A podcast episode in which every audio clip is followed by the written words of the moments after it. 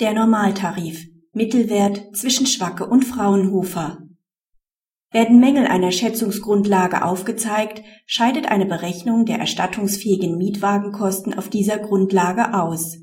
Der Normaltarif kann dann anhand des arithmetischen Mittels zwischen der Schwackeliste und den Ergebnissen des Fraunhofer Instituts geschätzt werden.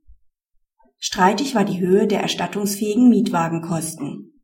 Das Landgericht hat auf der Grundlage der Schwackeliste 2006 weitere Mietwagenkosten zugesprochen. Es ging zudem davon aus, dass der Kläger berechtigt war, ein Fahrzeug auf der Grundlage von Tagesmietpreisen anzumieten. Diese Entscheidung hielt den Angriffen der Berufung nicht stand.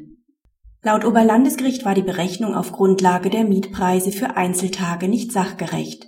Zum Zeitpunkt der Anmietung hat der Kläger davon ausgehen müssen, dass die Beschaffung eines Ersatzfahrzeugs längere Zeit in Anspruch nehmen wird. Der vernünftige, wirtschaftlich denkende Geschädigte hätte sich, so das Oberlandesgericht, hier für die Anmietung zu den günstigeren Wochentarifen entschieden, so dass nur diese Berücksichtigung finden könnten. Aufgrund der Einwände der Beklagten konnte jedoch nicht die Schwackeliste 2006 als Schätzungsgrundlage zur Ermittlung des Normaltarifs herangezogen werden. Insbesondere die offene Erhebungsmethodik bei der Erstellung der Schwackeliste steht einer Anwendbarkeit dieser Liste entgegen.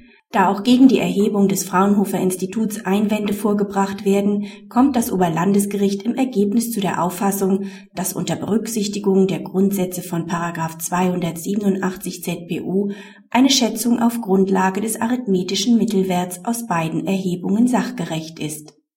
Ausblick Nachdem bereits das Landgericht Bielefeld einen Rückgriff auf den Mittelwert zwischen den Erhebungen von Schwacke und Fraunhofer favorisiert hat, greift nun nunmehr erstmals auch ein Oberlandesgericht auf diese Methode zurück. Letztlich bleibt abzuwarten, ob sich diese Auffassung auf der Basis des vom BGH gerade im Bereich der Mietwagenkosten so hervorgehobenen Paragraphen 287 ZPO durchsetzt. Wünschenswert ist nicht nur eine sachgerechte Schätzung, sondern gerade im Interesse der Rechtssicherheit auch die Bildung einer verlässlichen Linie in den Instanzen